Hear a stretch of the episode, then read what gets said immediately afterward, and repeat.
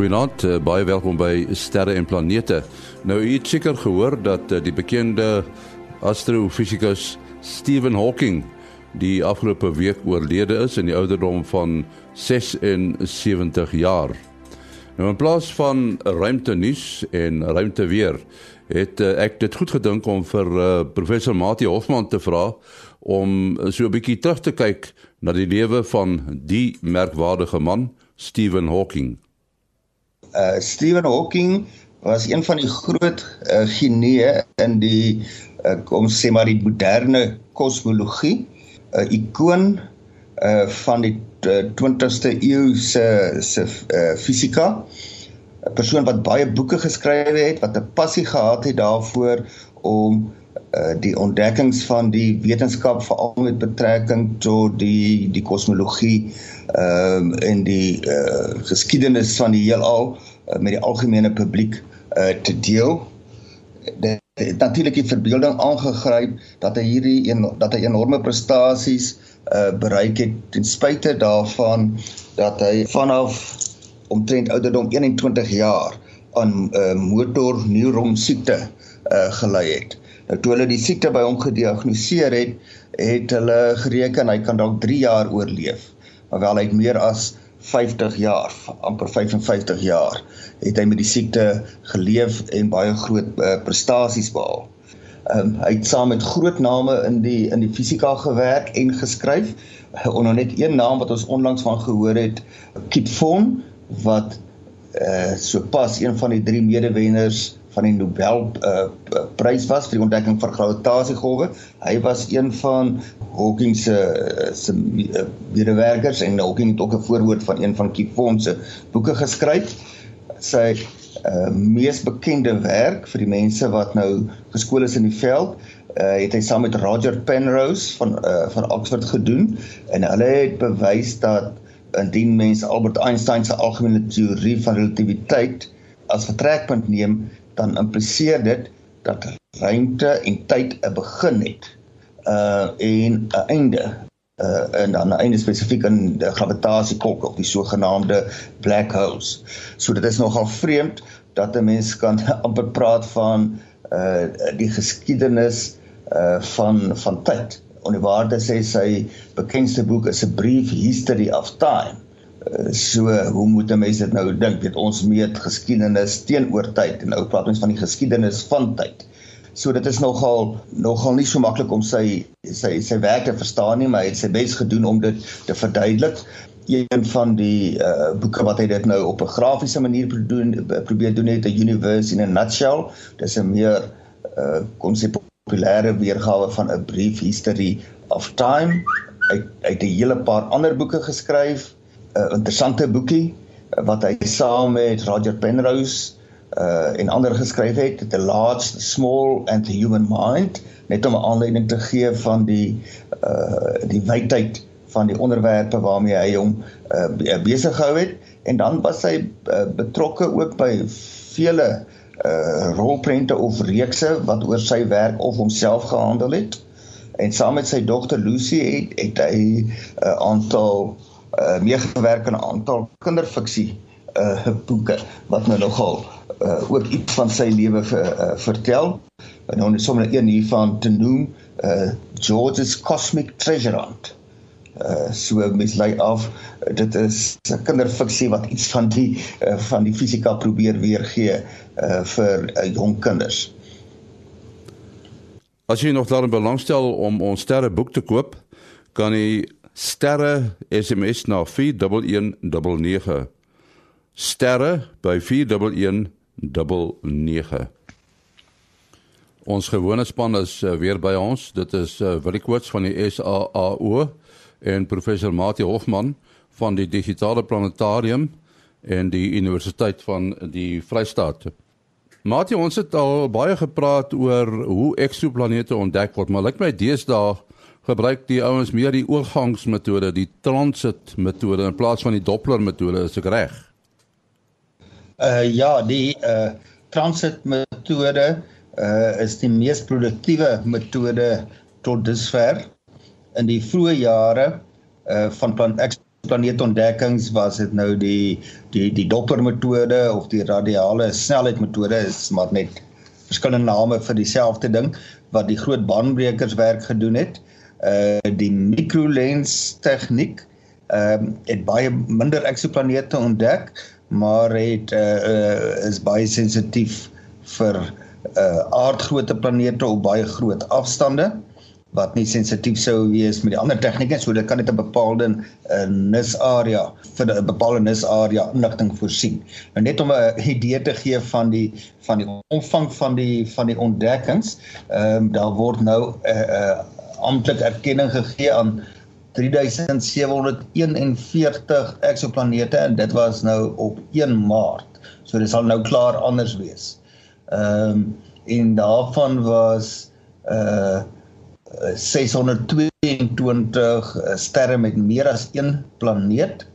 Van daardie 3741 is 3500 met die Kepler teleskoop ontdek en hy het spesifiek of het spesifiek van die transit metode gebruik gemaak.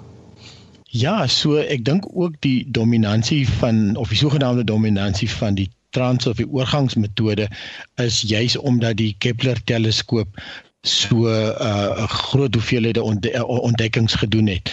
Nou um, ek weet byvoorbeeld WASP of Super WASP uh die teleskoop daar in Sutherland en ook uh KELT uh Kilo Degree Extremely Little teleskoop wat wat ook 'n kleinerige teleskoopie is daar by ons in Sutherland wat altyd die oorgangsmetode gebruik en ons eintlik 'n derde stelsel ook wat ook uh uh um uh, dis nou alle ontdek wie eksoplanete rondom dubbelsterre daarso. Um is die die eintlike bevestiging, uiteindelike bevestiging uh, word nou nog steeds met die radiale of die Doppler verskywing metode gedoen. So dit lyk vir my die die oorgangsmetode sê vir jou daar gaan iets aan en jy kan 'n hele klompie inligting daai uit kry en uh, maar uiteindelik um word die die uiteindelike bevestiging wel gedoen met met die met die radiale skuif metode. En natuurlik deesdae is ons spektrograaf op SALT, uh die nuwe een, die hoë resolusie spektrograaf, is selfs uh, moontlik om daardie tipe um observasies te, te kan doen. Uh ja, jy het ook genoem die um microlens metode. Microlens is natuurlik wat Einstein voorspel het uh dat as een massa voor 'n ander in beweeg, dan um dan word die lig gebuig. Dit is natuurlik mos toe bevestig bevestig destyds met 'n uh, sonsverduistering dat die sterre in die agtergrond het wel bietjie verskuif as gevolg van die die swaartekrag van die son uh, in daardie rigting waarna jy kyk. En soos soos Mati ook gesê het, jy jy het, uh, elke metode het so half spesialiseer op groter of kleiner um uh, voorwerpe. Die enigste probleem met die die um microlens metode is dat jy kan dit weer herhaal nie. Ehm um, so jy, jy sien dit net eenmal en as die massa verby beweeg het, so dit is maar net toevallig wanneer twee massas oplyn en die massas beweeg deur die ruimte, so die kans dat hulle weer gaan oplyn gaan nie weer daar wees nie. So jy het ongelukkig net een een kans en daar's ook geen manier om dit op 'n ander metode weer te verifieer nie. Ek dink hulle gebruik dit maar hoofsaaklik om idees te kry van hoeveel van 'n sekere soort 'n uh, planeet is daar in die ruimte en so aan waar die ander metodes uh, soos die oorgangsmetode uh, dit wil sê dit is wanneer die planeet tussen ons en sy ster in beweeg 'n klein bietjie van die lig afsny. As die planeet byvoorbeeld 'n periode van 3 jaar het dan sal jy moet 3 jaar wag voor dit weer gebeur. So daarom is hierdie programme eintlik loop baie lank en ehm um, sal dan uiteindelik soos iets soos die tyd verloop kry jy bevestiging ja na 3 jaar sien jy hom weer dan na 6 jaar sien jy hom weer die volgende 6 jaar of, of, of wel volgende 3 jaar na, na uiteindelik na 6 jaar ensovoorts so jy uh, jy bou eintlik jou database op soos soos die tyd verloop. En ek dink ook dit is hoekom ehm um, die uh, Kepler se data so half gelyk het asof aan die begin niks gebeur het nie en uiteindelik kom hier 'n stortvloed van uh uh van van data omdat jy begin bevestiging kry uh uh soos wat jy hom vir 'n tweede en 'n derde keer om 'n planeet sien beweeg. Een van die redes hoekom die transmetode so gewild is, is omdat daar baie meer inligting van die bepaalde eksoplanete bekom kan word ehm um, as met die ander metodes en nou gaan dit om die feit dat 'n klein persentasie van die agtergrondster waarvan jy die lig sy helderheid meet en dan beweeg sy eksoplaneet wat jy nie direk kan sien nie, beweeg dan nou voor hom in.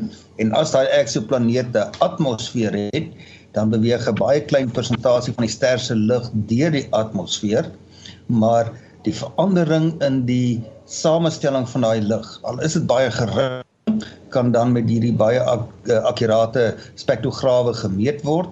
En hulle kan spesifiek kyk na die donker lyne wat as in die in 'n in 'n grafiek van helderheid teenoor golflengte uh, wys die helder ag wys die donker lyne wat as gevolg van absorpsie in die atmosfeer uh weens sekere elemente. Dit wys dan as 'n dip in die grafiek en as die diepte van daai dip verander wanneer die planeet voor sy ster verby beweeg dan lei jy af die elemente wat met daardie bepaalde donker lyn geassosieer word kom voor in daai atmosfeer. En jy kan die grootte van die effek meet en dan kan jy dan en dan kan jy dan ook 'n uh, afleiding maak maar uh, in relatiewe terme uh, hoeveel van verskillende elemente is daar. Dit is baie makliker gesê as gedoen. So dit kan slegs gedoen word met regtig baie groot teleskope soos die Keck 1 en Keck 2 en die VLT en natuurlik die Hubble ruimteteleskoop. Nou een voorbeeld te vat, uh, wil ek nou nou verwys na die WASP program waarvan hulle dan een van die uh, teleskope daar by Severn het. Nou hier's 'n uh, Saturnus massa exoplaneet leed planeet WASP 39b. Nou uh, wil jy as daar WASP by staan kan mens aanvaar dat uh, daai teleskoop by Sutherland heel moontlike bydrae tot die ontdekking gemaak het. Definitief so die WASP staan vir Wide Angle Search for Planets en dan Super WASP is dan 12 die naam vir die twee teleskope. Daar's een in Sutherland en dan is daar ook een in die noordelike halfrond. Kan nou nie presies uh onthou waar presies nie. Ja. Ja, so daar's net twee van hulle. Ja. Ja, okay, maar in elk geval dan hierdie hierdie uh een eksoplaneet uh, uh 39b is uh om 'n ster 700 ligjare vanaf die aarde. So dit is nou nie verskriklik ver nie, ook nie baie naby nie. Maar in elk geval ten spyte van daardie afstand kon hulle dan met die metings met die Hubble teleskoop se spektrograaf aantoon dat die atmosfeer baie water bevat. 3 maal meer as in Saturnus se atmosfeer. So hy's uh, vergelykbaar in grootte met Saturnus of ten minste in massa, maar dan uh, eh, uh, eh, verskil hy ten opsigte van die hoeveelheid water en 'n ander opsig waarmee hy uh, uh, waarin hy baie verskil is dat hy baie baie nader as Saturnus uh aan sy ster is. Uh, die Saturnus vat uh wil hy sy periode om die son is uh, is baie meer as Jupiter, so moet seker omtrent 30 jaar wees. In die geval van hierdie uh, uh Saturnus massa planeet om WASP 39 is die die periode maar 'n paar dae.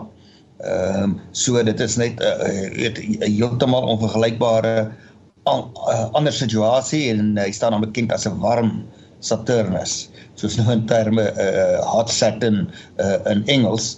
Ehm um, maar in geval uh, ons het nou al gesien dat water uh, taamlik volop 'n uh, molekuul tog in die ruimte is. Nie altyd in vloeibare vorm nie. Dit kan 'n dampvorm of ysvorm wees.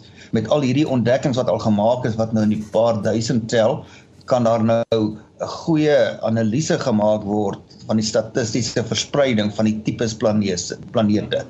En as daar stelsels is, uh, hoe vergelyk dit met die met die aarde uh, of met ons sonnestelsel eerder waarvan die aarde nou uh, een van die vier rotsagtige uh, planete is. Uh nou om nou ander onlangs ontdekking te vat is 'n stelsel wat uh ja wat nader nog is ongeveer 100 ligjare wat drie superaardes bevat. En al drie kan met hierdie transitmetode is so ontdek deur onafhanklik deur twee verskillende uh, spanne. En hulle kan nou hulle periodes bepaal, hulle kan hulle groottes bepaal. En hulle staan bekend as superaardes omdat hulle 'n uh, uh, uh, deursnee is uh wissel van net meer net groter as die aarde 1.2 maal uh 1.6 maal en dan 2.1 maal.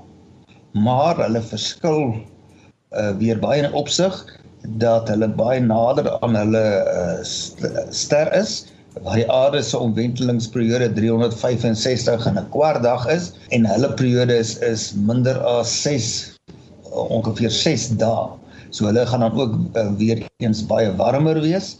Ehm uh, so dit lyk maar net of feitelik al die stelsels wat ontdek word heeltemal anders as ons sonnestelsel is. Maar mens moet aan gedagte hou dat die metodes wat gebruik word uh, gaan nie so maklik of dit gaan baie baie lank vat om 'n sonnestelsel soos ons in te ontdek want as jy die transitmetode gebruik dan gaan jy meer as 30 jaar waarnemings moet doen om 'n planeet soos Jupiter met 'n periode van ongeveer 11 jaar te ontdek. Onder nie eers van uh, Saturnus se uh, jy gaan omtrent 'n eeu lank moet waarnemings doen om 'n planeet met 'n periode soos die van Saturnus te te ontdek.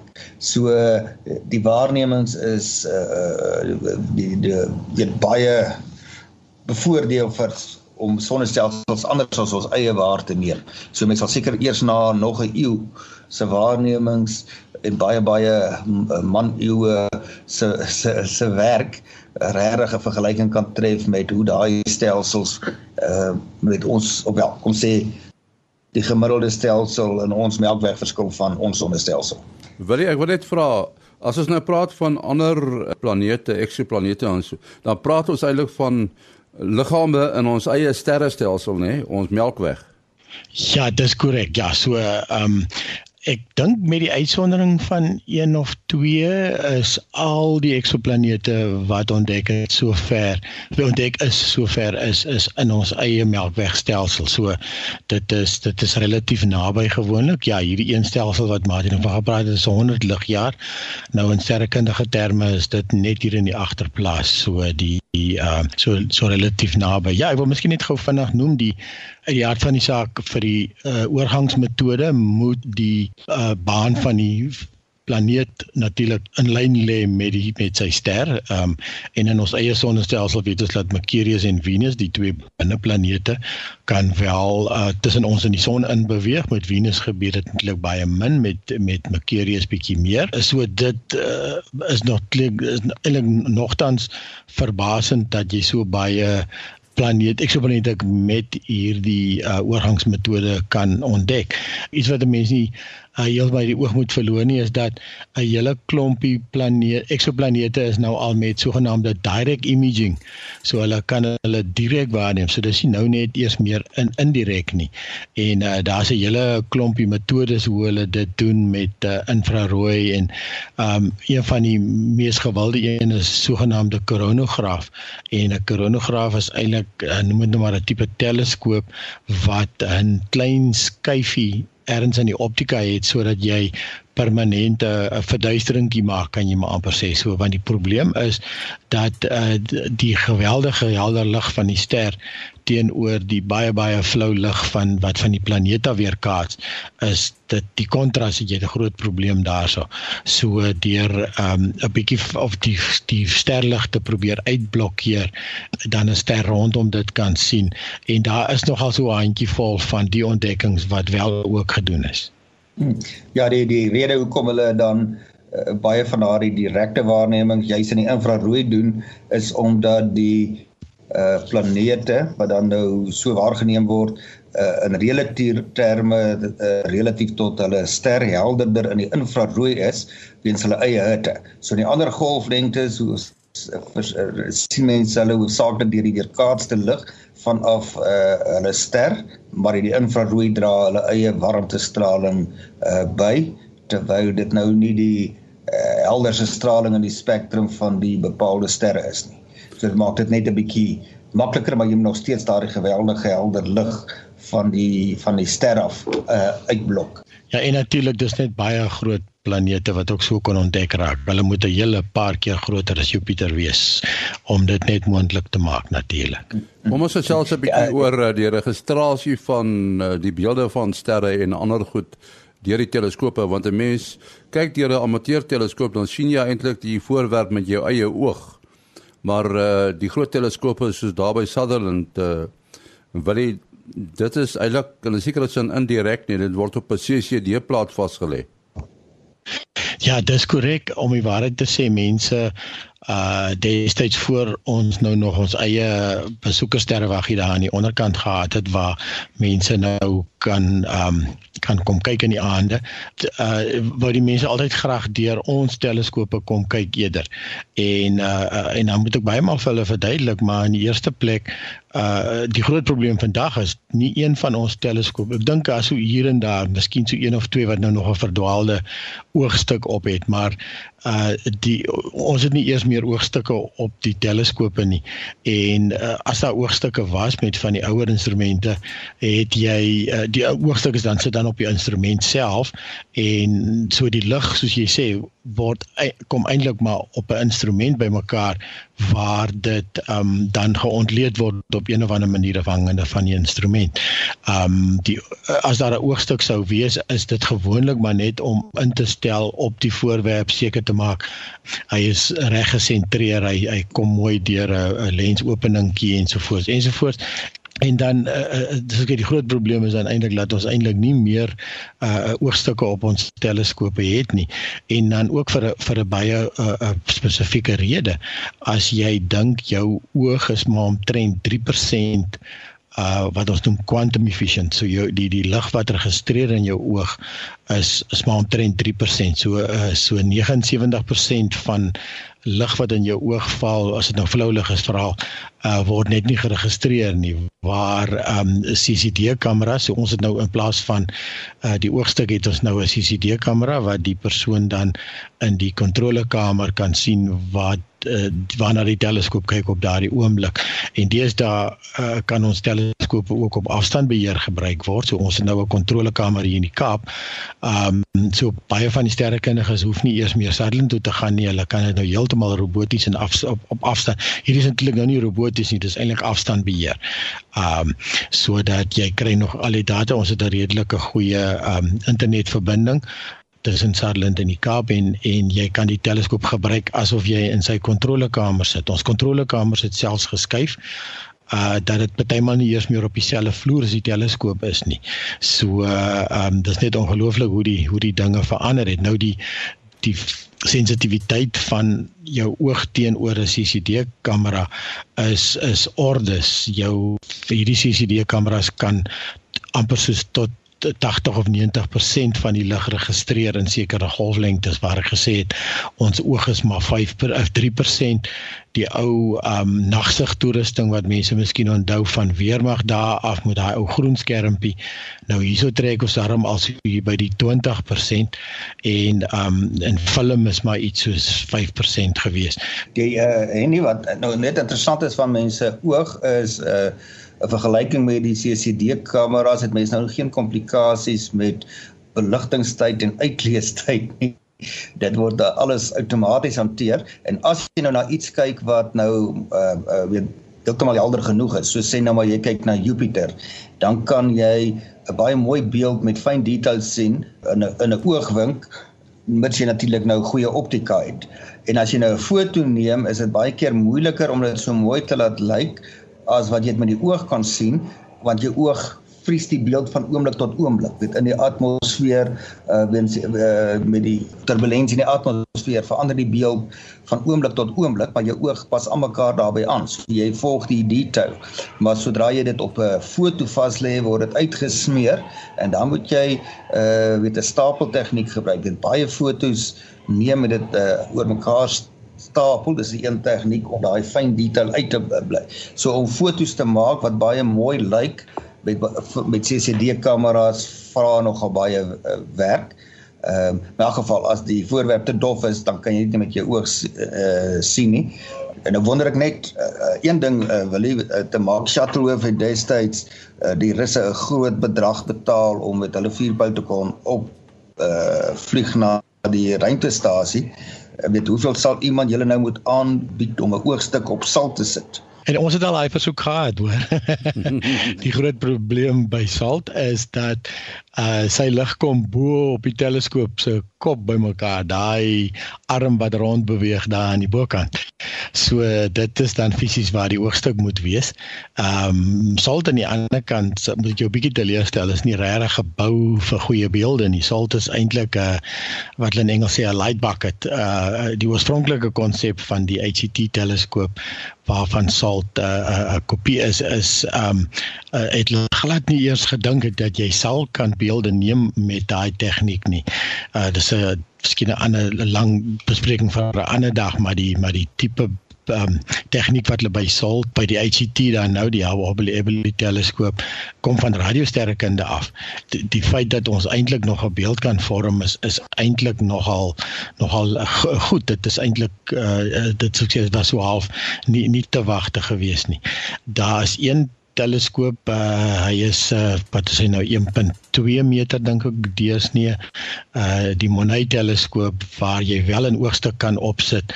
En ek het nou ongelukkig nog nie die voorreg gehad nie maar uh van die mense wat al deur daai oogstuk gesê gekyk het uh, sê en mense kan nogal geld uh, vra vir daai vir daai prentjie wat jy daar gesien Wat is die verskil tussen 'n robotiese teleskoop en een wat uh, met afstand beheer word?